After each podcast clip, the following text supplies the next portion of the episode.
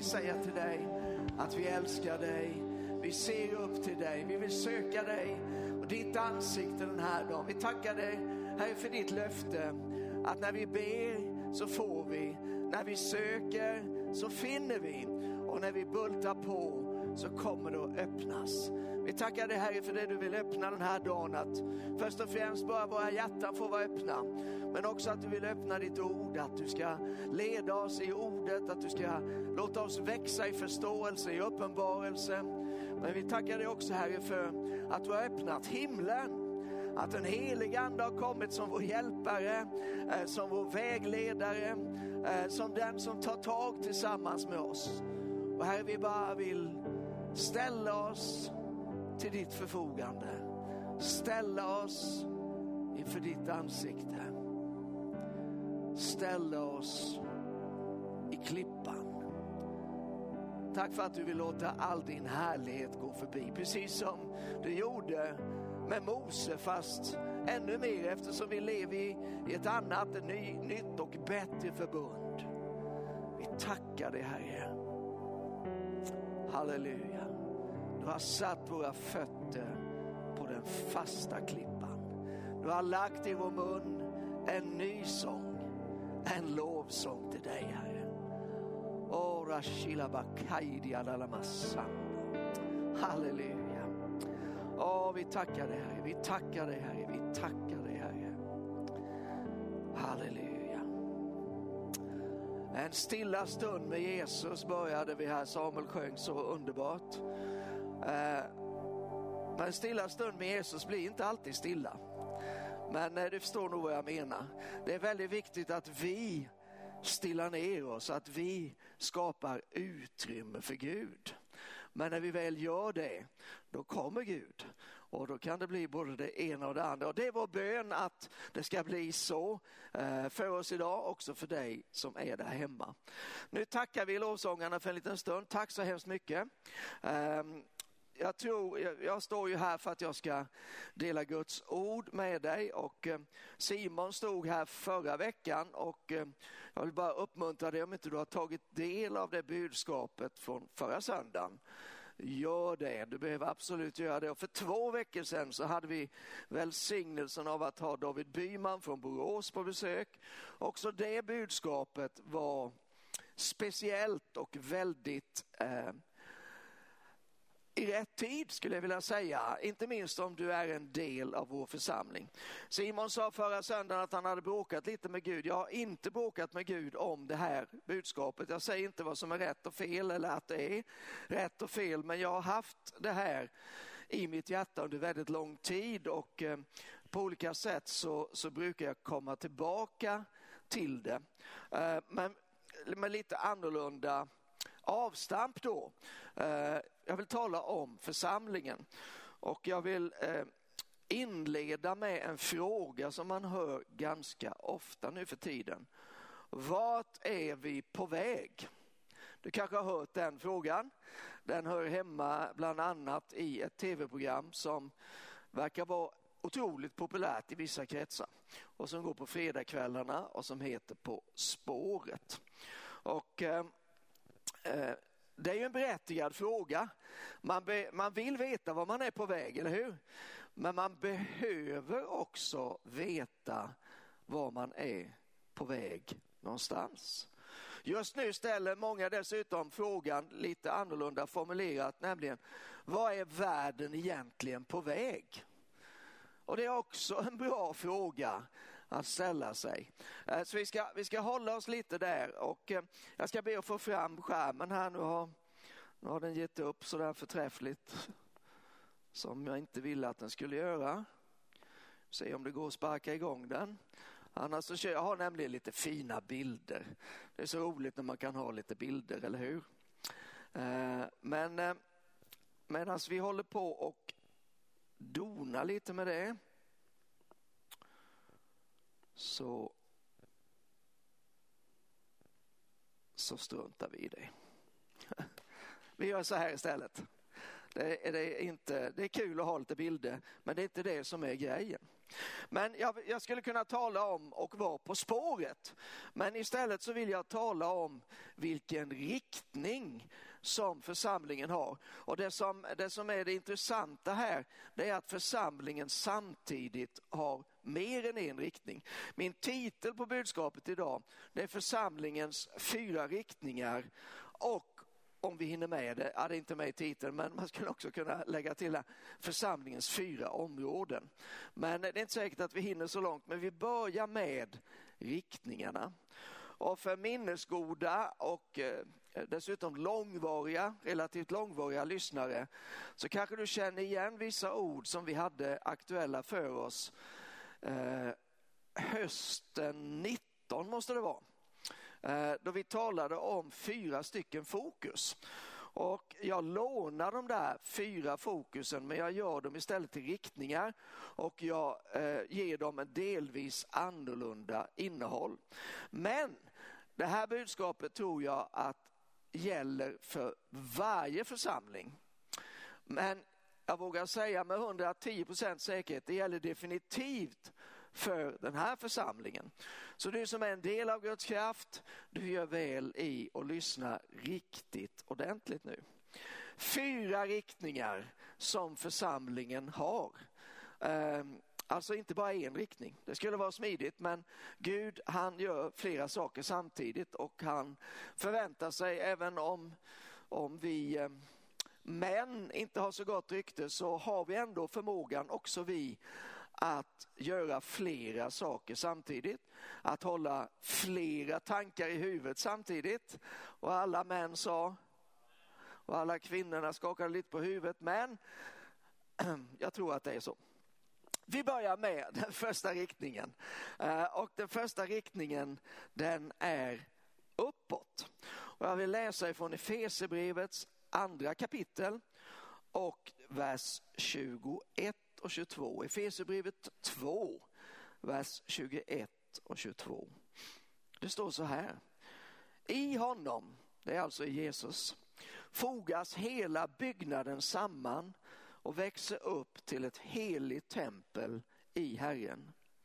Och i honom blir också ni sammanbyggda till en boning åt Gud genom anden. Det talas om ett tempel och det talas om en boning som alltså är ett där man, där man bor. Dessutom är det ett heligt tempel och boningen är Guds boning. Och därför så tycker jag att det är på sin plats att börja med just denna riktning, riktningen uppåt. Eh, för att det anknyter förstås till Gud. Och eh, eh man skulle kunna vara så krass och säga att om inte det vore för Gud så fanns det ingen församling. Vad skulle finnas istället? Ja, inte vet jag, men eftersom Gud är en verklighet så finns också församlingen. Eh, men vi behöver ha riktningen uppåt som vår primära riktning. Alltså vi behöver vara inriktade på Gud. Församlingen är ett tempel åt Gud. Det är där som Gud bor. Det är där som Gud förväntas ha den första platsen. Ibland får, kan vi få för oss att Gud finns till för vår skull. Men sanningen är förstås att vi finns till för hans skull. Och varför är då ordningen så viktigt här att först tänka på riktningen uppåt? Jo, när Jesus får frågan om vad som är viktigast så säger han, du ska älska, inte världen, inte dig själv, inte människor, men du ska först och främst älska Gud. Av hela ditt hjärta, av hela din själ, av all din kraft. Det är det som vi kallar för det dubbla kärleksbudet. Sen kommer, på, du ska också älska din nästa som dig själv. Så det finns kärlek som, som räcker till. Men Gud behöver få den första kärleken. Du och jag, vi är vända uppåt. För vi är på väg uppåt. Det är vår primära riktning. Och det här det tar sig förstås i uttryck, inte minst i gudstjänsten. Om du kommer ihåg för, kan det vara 3000 år sedan nu ungefär, eh, ja det kan du inte komma ihåg men du har läst om det, eh, så, så står det om när Gud befriar sitt folk ifrån slaveri i Egypten.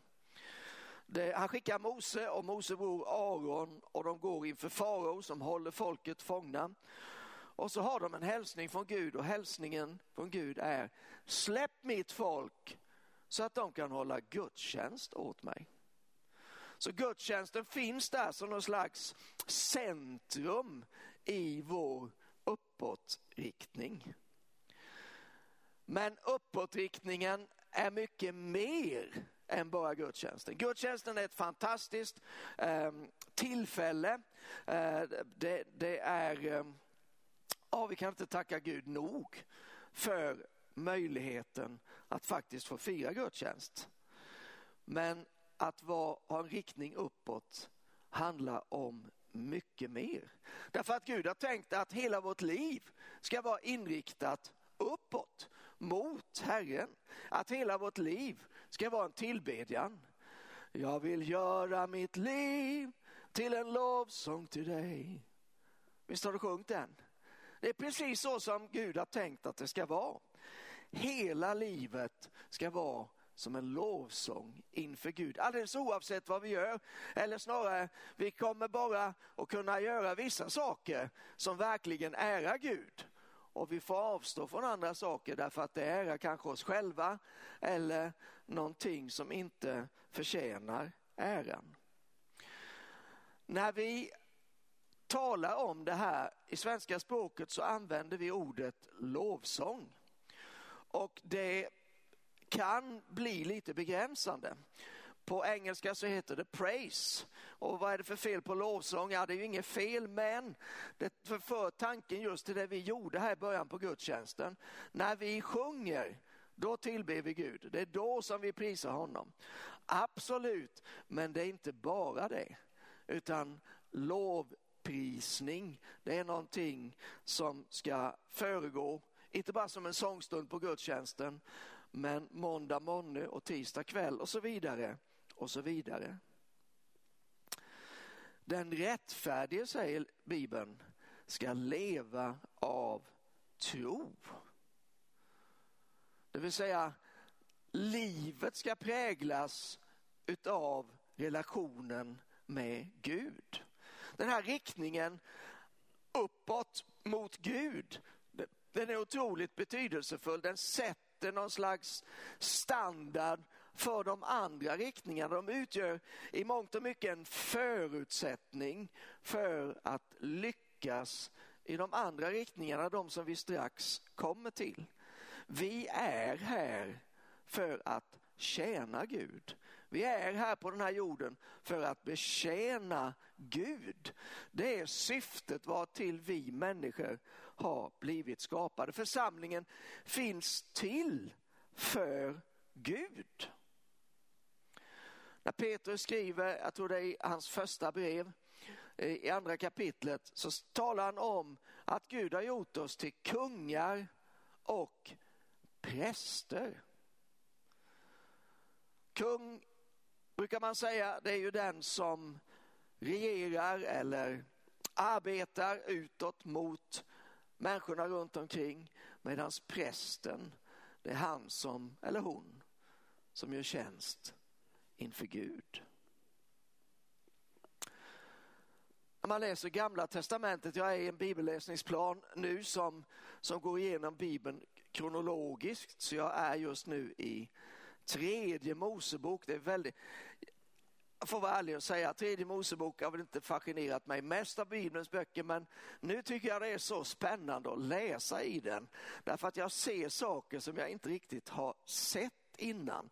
Och, där talas ju bland annat om tjänsten. På den tiden när, när Moses skrev det där så var det i tabernaklet och sedermera blev det i templet i Jerusalem.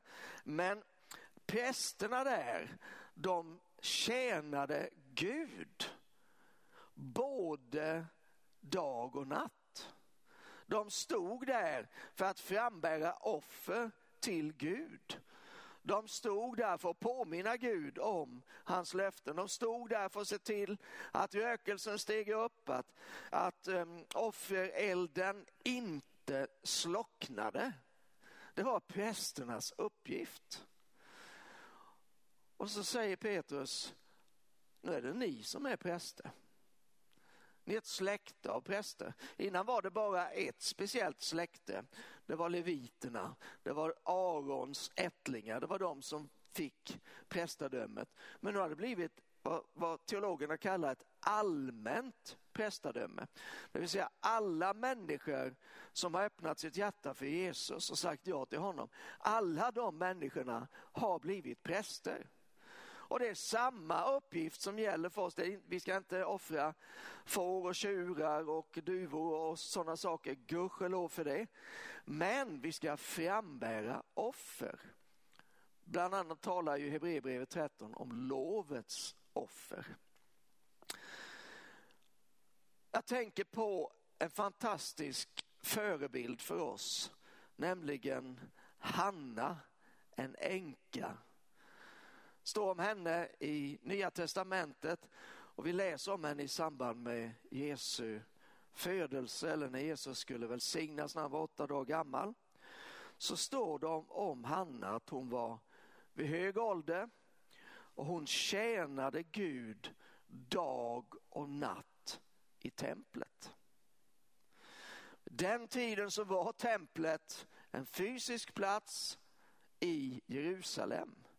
Men nu är templet inte bundet till en fysisk plats, utan nu är templet bundet till dig och mig och till församlingen. Men det är samma princip. Vi är här för att tjäna Gud.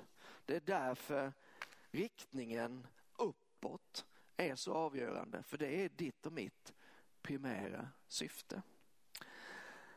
Om det uppstår brist på det här området, och det kan det göra, då blir det en väldigt allvarlig brist. Därför att vad skapar det? Det skapar en kristendom eller ett, ett, eh, ett liv som blir inomvärldsligt och som bara präglas av mänskliga begränsningar, av mänsklig organisation och så vidare. Och då har vi tappat hela poängen med församlingen. Tyvärr så, så vet vi alla om att det finns exempel på detta och ingen går, kan svära sig fri ifrån sådana tendenser och, och ingen eh, kan säga det är ingen risk för oss. Utan vi behöver, var och en där vi är, så behöver vi se till att vi har den här riktningen starkt i våra liv. Riktningen mot Gud, uppåt. Den nästa riktningen jag vill tala om eh, den hämtar jag ifrån kapitlet före Efesierbrevets första kapitel. Därför att nu ska vi tala om riktningen inåt. Om riktningen uppåt handlar det om templet. Och se vad var det mer skrivet. Templet och boningen för Gud. Så handlar riktningen inåt skulle jag vilja säga om Kristi kropp. Och vi ska läsa i Efesierbrevets första kapitel, vers 22. Efesierbrevet 1 och 22. Allt la han under hans fötter och honom som är huvud över allting gav han till församlingen som är hans kropp. Fullheten av honom som uppfyller allt i alla. Församlingen är Kristi kropp. Församlingen är fullheten av honom. Man skulle kunna säga att uppåtriktningen, den är vi i någon mån kapabla att klara av på egen hand. Dock absolut inte fullt ut. Men inåt, riktningen inåt, nej, där kommer vi definitivt till korta. För en av de bärande bilderna av församlingen i Nya Testamentet, det är om församlingen som en kropp. Jag säger det på rikssvenska så ingen missar detta. Paulus skriver till exempel i första Korinthierbrevet 12, det kanske är den, den mest Eh, det första bibelstället man tänker på, så talar han om församlingen som en kropp. En kropp, men med många lemmar. Han poängterar att lemmarna hör samman och han poängterar särskilt att alla behövs. Örat kan inte säga att det är foten, jag behöver det inte. Och så vidare och så vidare. Och han säger också om en lem lider så påverkar det hela kroppen. Det här testas ju förstås i vår tid på ett speciellt sätt. Vi ska återkomma till det. Men innan vi gör det så vill jag bara visa dig hur speciellt lemmarna i kroppen är förenade med varandra. När man säger förenade så kan man komma att tänka på en förening. Eh, Känns väl logiskt, eller hur? En förening som till exempel, eh, jag har varit med i många år i en förening som heter Ruskenprickarna, förträffligt gäng. Vi förenas av ett intresse grundläggande för fågelskådning. Och det är ju, en, en, det är ju ett djupt andligt eh, intresse. Eh, därför att Jesus sa se på fåglarna under himmelen. Så att vi lyder självklart eh, Jesus. Eh, men en förening är en sak och där förenas man som sagt av någon form av intresse eller inriktning. Men det är inte det som Paulus talar om i samband med kroppen, utan han talar istället mer om familjen. För det är skillnad på att vara förenad av ett intresse eller vara förenad av familjeband. Och i församlingen med riktning inåt, den riktning vi måste komma ihåg, den riktning vi måste slå vakt om. Så för där finns familjebanden. Om, om det är som Gud har tänkt, alldeles, oavsett om vi talar om församlingsfamiljen eller kärnfamiljen, eller din eh, fantastiska släkt, så är relationerna tänkta att vara de allra närmaste och, och viktigaste och mest produktiva och välsignade utav alla relationer. Jesus sa så här vid ett tillfälle, ett rike som är splittrat blir ödelagt och en stad eller en familj som är splittrad kan inte bestå. Så det är otroligt viktigt att vi är medvetna om att vi har en riktning. Det går ett spår, för att anknyta då till På spåret, det går ett spår inåt, in mot centrum i församlingen där ju förstås Jesus finns. För Jesus är i centrum utav allt. Och det här är som jag sa, det här är en utmaning av stora mått just nu. Det är svårt. Men det är inte mindre viktigt för det, utan snarare tvärtom. Det är mer viktigt än någonsin. Det är viktigt för församlingen, för församlingen har ett värde. Men det är också viktigt för dig och mig som lemmar i Kristi kropp. Därför att vi behöver varandra väldigt mycket mer än vad vi kanske tänker på. Vår tidsanda andas oberoende och självcentrering på ett helt annat sätt än vad jag tror Gud har ämnat oss människor till. Men sanningen det är att du och jag vi behöver varandra. Vi behöver vara nära varandra. Vi återvänder till broder Petrus. Han säger så här i första Petrusbrevets femte kapitel. Var nyktra och vakna. Er fiende djävulen går omkring som ett rytande lejon och söker efter någon att sluka. Rovdjur, man kan se dem på tv. jag tror att jag såg ett, ett lodjur häromkvällen förresten. Första gången i livet. Jag som har spanat som en galning efter alla möjliga djur. Men faktum är att strax utanför stan här så är jag ganska säker på att ett lodjur gick över vägen. Men vi vet hur det är med rovdjur. Att de siktar alltid in sig på den som har hamnat lite vid sidan om. Kanske på grund av svaghet, kanske på grund av bara, åh nu ska jag ut och, och, och upptäcka världen här. Men det är just de ensamma individerna som rovdjuren siktar in sig på. Faktum är att det finns ett skydd i flocken. Det finns ett skydd i församlingen. Jag kommer ihåg en broder och ehm, eh, det var under några år så var han var en del av församlingen. Och under några år så gick det ganska mycket upp och ner. Mest ner om jag ska vara riktigt ärlig. Ehm, och ehm, det här kröntes med, eh, han ställde till det lite för mig personligen. Ehm, och så var det förstås mycket eh, skam och skuld och allt möjligt så. Men så eh, genom Guds nåd så kunde vi bara reda ut alltihop det här och, och försonas. Och så sa han någonting. Jag ville ju inte lämna församlingen för jag förstår vilket beskydd som finns i detta. Och då tänkte jag, tänk om fler hade koll på detta. Jag behöver förstå hur viktigt det är att det finns ett skydd i flocken.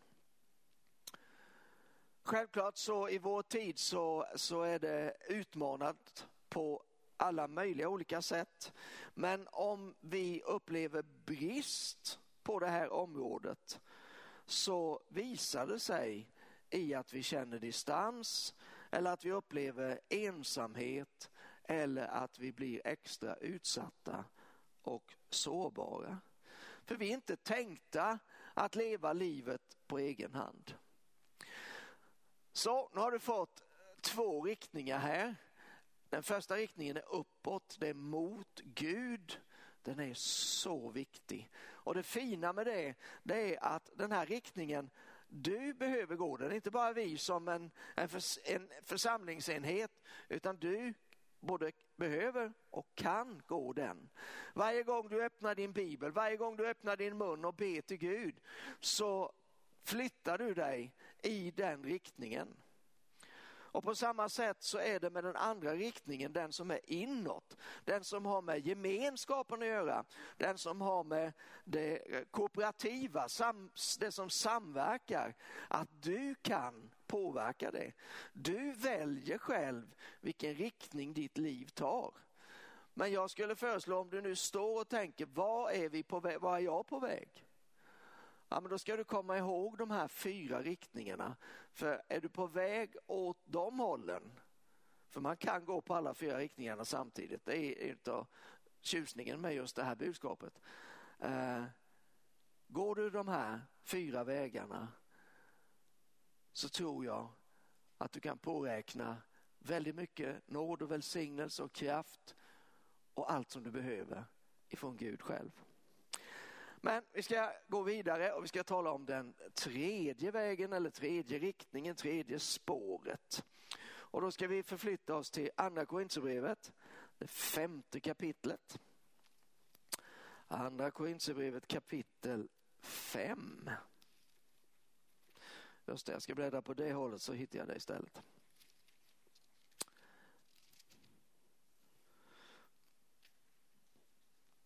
Andra Korinthierbrevet 5 och vers 19 och 20. Fantastiska verser. Gud var i Kristus och försonade världen med sig själv. Han tillräknade inte människorna deras överträdelser och han har anförtrott oss försoningens ord. Vi är alltså sändebud för Kristus och Gud vädjar genom oss. Vi ber på Kristi uppdrag, låt försona er med Gud. På min första bild, den som ni inte fick se, så var templet i Jerusalem. Och templet är ju en en bild på församlingen. Vi är vana vid det. På den andra bilden, som du också missade tyvärr, där fanns en bild på människokroppen som är en av de tydligaste illustrationerna som Bibeln ger oss på vad församlingen är, men också vägleder oss i hur församlingen faktiskt fungerar. Det är en organism, det är inte en organisation. Man kan säga mycket om kroppen, min kropp till exempel, den är stor på fel ställen och, och liten på fel ställen och så vidare. Men den är ingen organisation, den är en organism och så är det faktiskt med Kristi kropp också. På den tredje bilden som jag inte kan visa dig idag eh, så har jag, ser det ut så här. Och jag satte som rubrik på detta rösten eller vittnet. För det är just vad de här verserna sa, eller hur? Vi är sändebud för Kristus. Vi är hans röst i den här världen. Och därför är den tredje riktningen, eller tredje spåret, det är spåret utåt. Och det är en absolut avgörande del i Guds plan för den här världen. Församlingen har fått ett uppdrag från Gud. Alltså, jag kanske skulle säga så här med Jesu budskap till lärjungarna det var om Guds rike. Och Guds rike det är mer än församlingen. Men apostlarna, inte minst Paulus, har gett oss en väldigt bra förståelse tycker jag av församlingen som det primära redskap som Gud har för att Guds rike ska etableras i den här världen. riktning utåt. Otroligt betydelsefullt om du frågar mig. Jesus, det första han sa i princip till lärjungarna, det var följ mig så ska jag göra er till människofiskare. Han sa inte följ mig så ska jag ta hand om er och vi ska ha det mysigt tillsammans och, och jag har så mycket välsignelse för er. Han hade det och de hade det gott på alla sätt och vis. Men riktningen var väldigt tydlig, det var utåt. De skulle fiska människor. Och Jesus sista ord till lärjungarna, Apostlagärningarna 1 och 8, när den helige ande kommer över er ska ni få kraft och bli vittnen. Och däremellan så sa Gud, som vi till exempel läser i Markus 16, gå ut i hela världen och predika evangelium för hela skapelsen. Det finns en väldigt tydlig riktning i Guds plan för oss människor. Och som sagt var, vår tid betonar självförverkligandet och oberoendet. Men Gud betonar att vi människor, vi är inte här för vår egen skull primärt. Vi är här för Guds skull, därav spåret uppåt. Men vi är också här för mänsklighetens skull. För den här världens skull. Och därför behöver vi komma ihåg riktningen utåt. Jag tänker på vad som står i Romarbrevet 10. Vi ska slå upp det. Romarbrevet 10.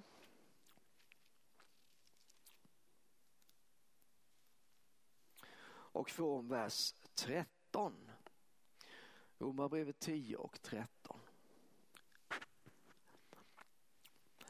Var och en som åkallar Herrens namn ska bli frälst. Det betyder var och en som använder namnet Jesus riktar sig till Gud. Det finns, den personen kommer att bli räddad säger Bibeln. Det är vad frälst betyder. Men frälst betyder mycket mer än att bara bli räddad kanske från evig förtappelse eller så vidare. Utan frälsning det är Guds fantastiska paket där han har inkluderat allting till oss människor. Så var och en som åkallar Herrens namn ska bli frälst. Men hur ska de kunna åkalla den som de inte har kommit till tro på? Och hur ska de kunna tro på den som de inte har hört. Och hur ska de kunna höra om ingen predikar? Allt det här andas riktningen utåt. Vi är här för andra människors skull. Faktum är att samma evangelium som drog dig till Jesus och som förvandlade ditt liv. Det har förmågan att träffa rakt in i hjärtat på den allra mest förhärdade syndaren du kan tänka dig. Om du bara är villig att ge det vidare. Det är ju det som är förutsättningen. Om inte de får höra så hjälper det inte hur bra budskapet är. Om inte någon talar om för människor att Jesus är en verklighet, att han älskar dem, att han har dött för dem och att han vill ge dem sitt eget liv. Så hjälper det inte att han dog, att han älskar dem, att han vill ge dem allt. De måste få höra det. Och det är därför vi är här. Det är därför du och jag är här, det är därför församlingen är här. Vi behöver slå vakt om den här riktningen utåt. Det är så otroligt betydelsefullt. Det finns så mycket som verkar emot detta. Dels har vi den fruktan som vi alla brottas med på olika sätt. Dels, dels har vi bekvämligheten som vi är ganska bra på att odla alldeles i oss själva. Men vi har också det faktum att det finns ett, ett, ett andligt motstånd många gånger, åtminstone upplever vi det så. Det finns någon som inte vill att människor ska få höra att Jesus lever. Men ändå så är det detta som vi ska hålla på med. Var är vi på väg? Vi skulle vilja vara på väg mot en folkväckelse, en besökelse av stora mått i Sverige och Europa, som ju är den minst kristet påverkade världsdelen på många sätt. Men det kräver din och min medverkan. Det är egentligen galet att tänka att Gud som kan allt och, och faktiskt på ett sätt klarar sig själv, han har ändå bestämt att han gör inte detta förutan dig och mig. Och en dag så kommer du och jag stå framför Jesus och han kommer att fråga dig och mig, vad gjorde du med det jag gav till dig? Resultatet av uppåt och inåt måste bli utåt. Annars var det förgäves. När vi upplever brist på det här området så är det faktiskt evighetsresultat som påverkas. Människor får inte del av det som Jesus gav sitt liv för att de skulle få del av. Dessutom så förfelar vi vårt syfte och tillfredsställelse som finns i att vi faktiskt är där Gud har tänkt att vi ska vara. Den tillfredsställelsen, den går vi miste om.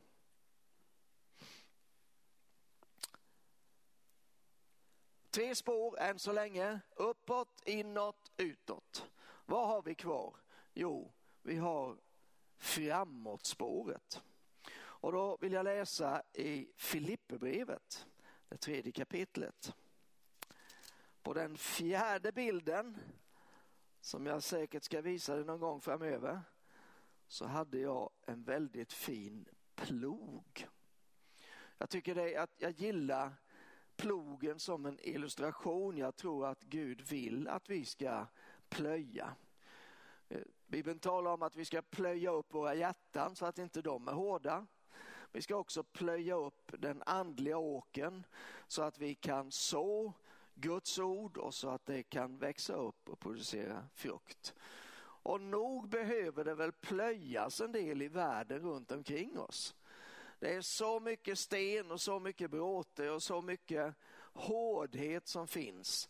Så församlingsplogen behöver sannoliken vara i jorden. Eh, men spåret är alltså framåt.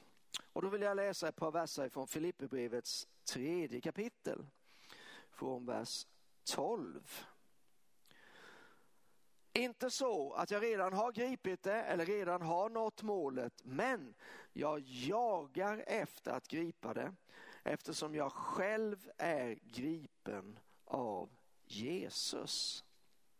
Bröder, jag menar inte att jag har gripit den, men ett gör jag. Jag glömmer det som ligger bakom och sträcker mig mot det som ligger framför. Och jag jagar mot målet för att vinna segerpriset. Guds kallelse till himlen i Kristus Jesus. Jag jagar, säger Paulus. Jag sträcker mig. Jag jagar mot målet.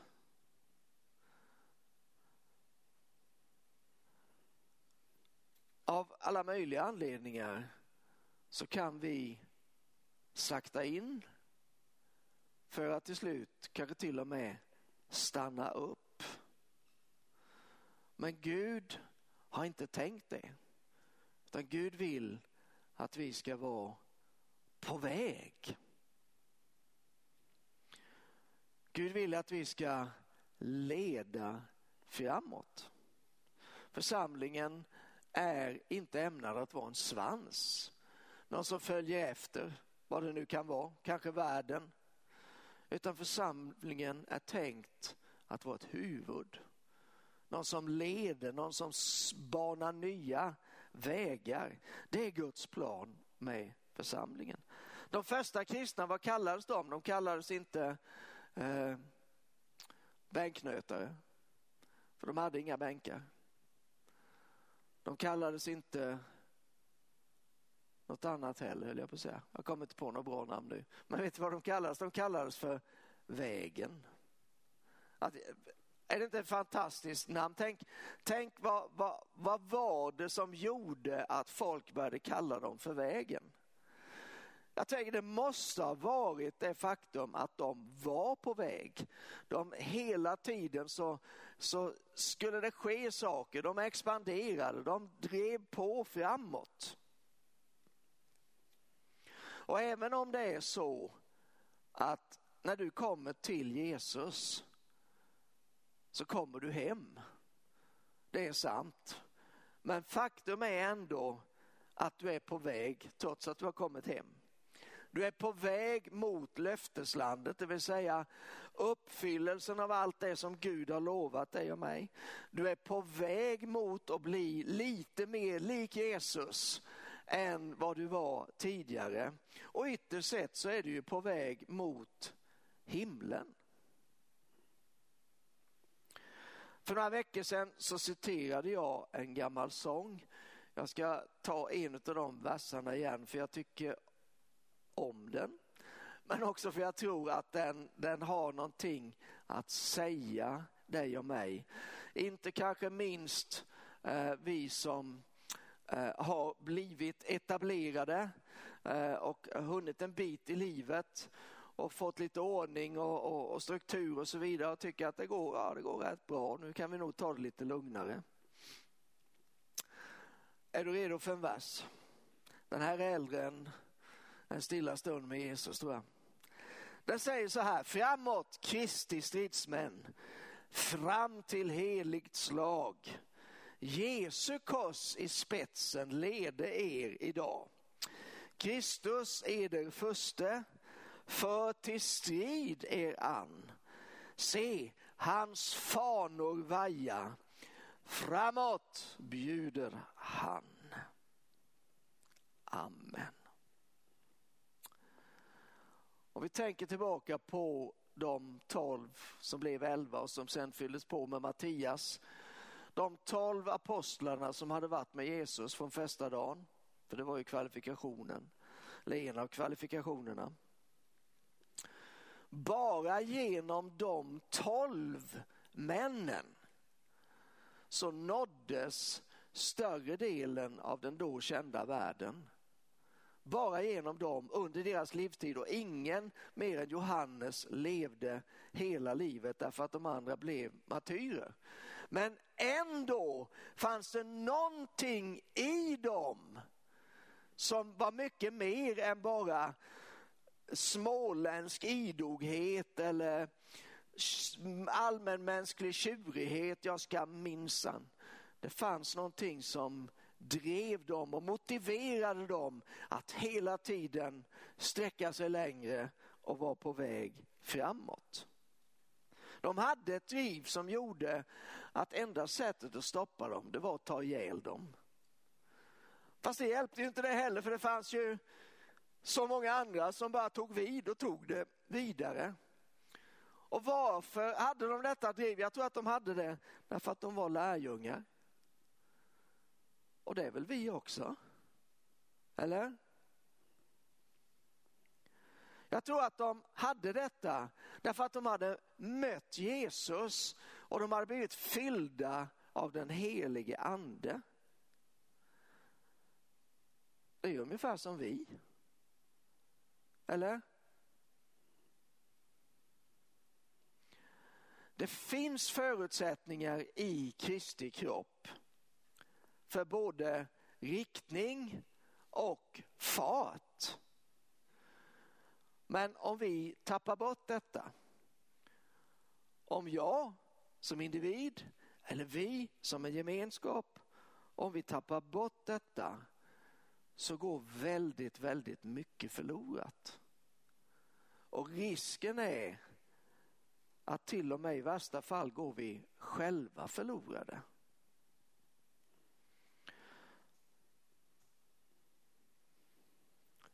När vatten står still så slutar det med att det kan bli hälsovådligt.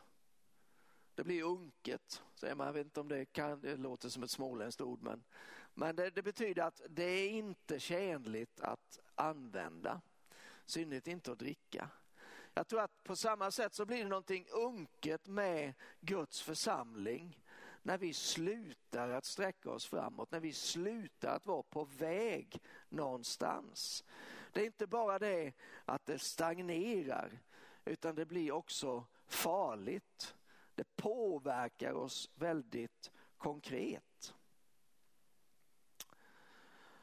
Så nu har du fått fyra stycken spår.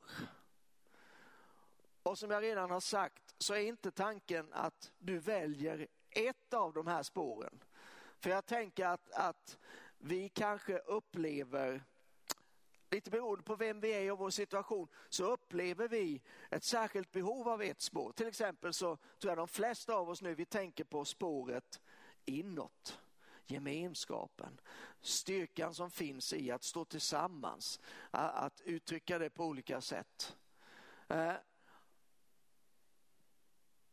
men vi ska inte välja spår, utan vi ska ha alla de här fyra spåren. Och faktum är att du kan genom att hålla det här levande i ditt liv så kan du vara på väg åt alla de här riktningarna samtidigt. Du kan hålla flera tankar i luften på en gång. Och låt oss inte glömma bort att vi rent fysiskt faktiskt på ett plan är på väg uppåt. Låt oss inte glömma bort att allt börjar och slutar med Gud. Låt oss vara inriktade uppåt. Låt oss ha en öppen öppenhet för Gud. Låt oss lyssna vad anden säger till församlingen. Låt oss vara upptagna med det som Gud är upptagen av. Låt oss tjäna honom. Inte bara en stund i veckan utan med våra liv. Och riktningen inåt. Just nu, just nu i den här tiden. Låt oss ta vara på varandra. Låt oss gå en extra mil i den här tiden.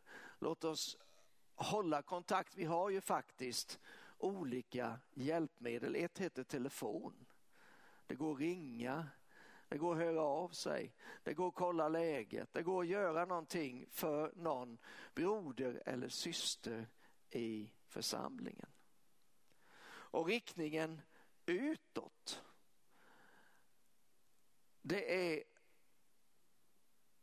faktiskt så att nu tror jag det finns en större öppenhet och en större mottaglighet. Jag pratade bara igår kväll med, med någon som upplevde just detta, att det går så lätt att prata med människor om Gud. Så där finns någonting som du och jag behöver hålla levande i våra liv. Vi behöver vara medvetna om att vi är här för att ge vidare. Vi har fått fintet och därför ska vi också ge fintet. Och slutligen det som jag alltid vurmar för. Vi behöver vara på väg framåt. Vi, eh, jag älskar de här orden som står i Saltaren. Jag kommer inte ihåg vilket nummer det är på den nu, men det kan du säkert googla upp om du, om du behöver ha reda på det. Men där, där räknar Gud upp olika område, Juda, det är min härskarstav, säger han. Och sen kommer han på, jag kommer inte ihåg alla namnen, men sen säger han, så kastar jag min sko på ett av de här områdena. För mig så innebär det att han är på väg dit. Han är på väg att erövra det området. Han liksom, jag kastar min sko där så länge för snart kommer jag vara där. Det finns vision, det finns framåtdriv. Var ort er fot beträder, ja men jag har inte kommit dit än men då slänger jag åtminstone skon dit. Jag tror att Gud har lagt ner någonting utav detta i oss allesammans. Och det finns, jag bara påminner om någonting som jag upplevde Guds ande sa, det är säkert ett år sedan eller kanske två år sedan. Så, så sa han, det finns vissa saker som du inte kan be dig ur. Det finns vissa saker som du inte kan tro dig ur, utan du måste lyda dig ur. Vad betyder det? Jo, vi skulle gärna vilja i olika skeden i livet kunna skicka en bön till Gud och det har vi löfte på att vi alltid får göra. Men vi bara ber gode Gud, hjälp mig med detta. Men det är inte säkert att bönesvaret kommer, åtminstone inte så som vi önskade det. Och vi kan tro och tro och tro. Ja, men Gud tar hand om detta, Gud tar hand om detta. Ja, men absolut, vi får bära allt till Gud och Gud har lovat att vara med oss alla dagar. Men vi får inte glömma bort att det finns någonting som heter trons lydnad. Och du och jag, vi hamnar i situationer där lösningen för att komma vidare, lösningen för att se Gud verka, det är att vi faktiskt lyder. Och de här fyra spåren som jag har gett dig nu, eh, jag skulle vilja ge fyra områden med men oj vad tiden har gått fort idag. Eh, så det sparar vi till en annan gång. Men de här fyra spåren som jag har visat dig idag, jag tror att det bästa du och jag kan göra det är att säga Yes sir, då kör vi på detta. För om vi gör det, då kommer Gud och kunna fortsätta att använda oss och leda oss, och välsigna oss och visa sin härlighet för oss och genom oss, utbreda sitt rike och dra människor in i sin, i, rakt in i sitt hjärta. Så därför så vill jag bara be för dig, jag vill be för församlingen. Jag inkluderar förstås i högsta grad mig själv, för jag behöver gå på de här spåren också jag. Så Fader i himmelen, jag tackar dig för att vi får leva med dig och gå din väg i den här tiden. Jag tackar dig Herre att det som du har ämnat oss för, det kan vi också vara och vi kan göra det. Och här nu ber jag för var och en som lyssnar den här dagen, som får del av den här gudstjänsten. Jag ber för församlingen Guds kraft. Jag ber Herre för allt ditt folk. Och jag tackar dig Herre att du ska hjälpa oss så att vi alltid kan ha de här spåren levande för oss. Att vi kan förstå betydelsen av att vara riktade uppåt mot dig, mot himlen. Eh, eh, att vi kan ge dig prioritet och första plats Herre i våra liv. Så att inte vi Tappa bort detta, för då blir vi bara som alla andra. Och du har inte tänkt här att vi ska vara som alla andra. Du har tänkt att vi ska vara speciella Herre för att du är mitt ibland ditt folk. Du har tänkt att din härlighet ska bo mitt i församlingen och vara påtaglig och göra en skillnad för var och en som kommer i närheten. Jag tackar dig också här att du hjälper oss att hålla inåtspåret, inte minst i den här tiden här där det finns så mycket som verkar för att hålla oss isär. Hjälp oss Herre så att vi inte ger upp eller ger efter för allt detta på ett felaktigt sätt utan att vi bara håller varandra uppe. Vi kommer ihåg varandra, talar med varandra, ber för varandra och lyfter varandra. Vi tackar dig Herre för att vi är en kropp och vi är lemmar varandra till tjänst. Och alla lemmar behövs. Jag tackar dig här för den som sitter just nu och tänker att för mig finns ingen plats och, och det går lika bra utan mig. Vi bara slår ihjäl den lögnen i Jesu namn. Och vi bara tackar dig Herre att du vill visa den personen hur betydelsefull han eller hon är, hur viktig hans del är i helheten. Herre, så, så vill vi tacka dig för fokuset utåt. Hjälp oss Herre så att inte vi blir oss själva nog, bara blir upptagna med vårt eget, det inomkyrkliga, utan hjälp oss Herre att vi bara bryter igenom de här fromhetsväggarna, eh, att vi bara sträcker oss ut utanför vår egen krets, att vi alltid eh, har några människor Herre som du lägger på vårt hjärta och som vi kan bara be för och sträcka oss ut till och välsigna lyssna och, och bara få vara en röst som ropar i öknen eh, just för de människorna. Och här slutligen så tackar vi dig också för att vi får vara på spåret framåt.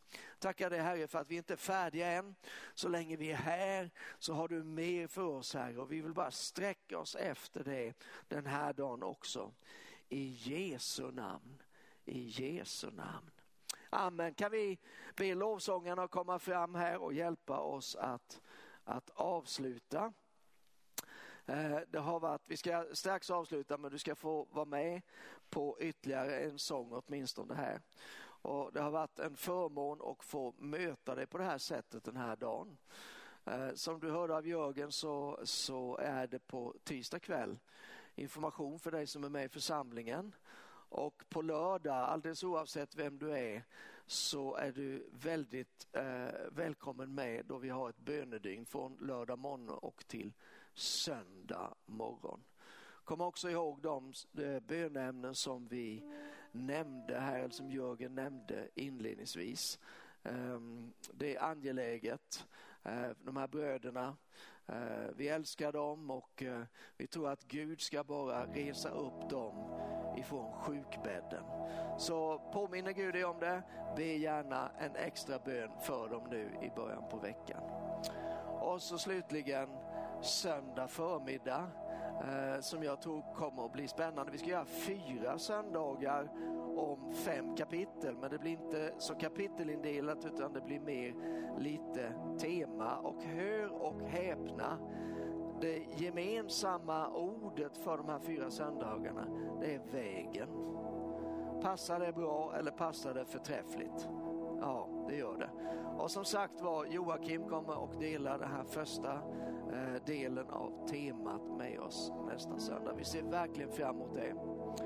Eh, det blir ju precis i vanlig ordning eh, kyrkkaffe en liten stund efter den här gudstjänsten tar slut ska jag säga. Och eh, du hittar det om du bara i, i sökfältet på din webbläsare så skriver du in tiny.cc snedstreck kyrkkaffe. tiny.cc snedstreck kyrkkaffe. Jag tror att du får det i chatten där också. Och du hittar det annars på vår hemsida. Nu ska vi lyfta upp Jesus lite grann till innan vi eh, går vidare. Nu önskar jag dig en riktigt, riktigt välsignad vecka. Jag hoppas att vi kan mötas på olika sätt under veckan och sen nästa söndag.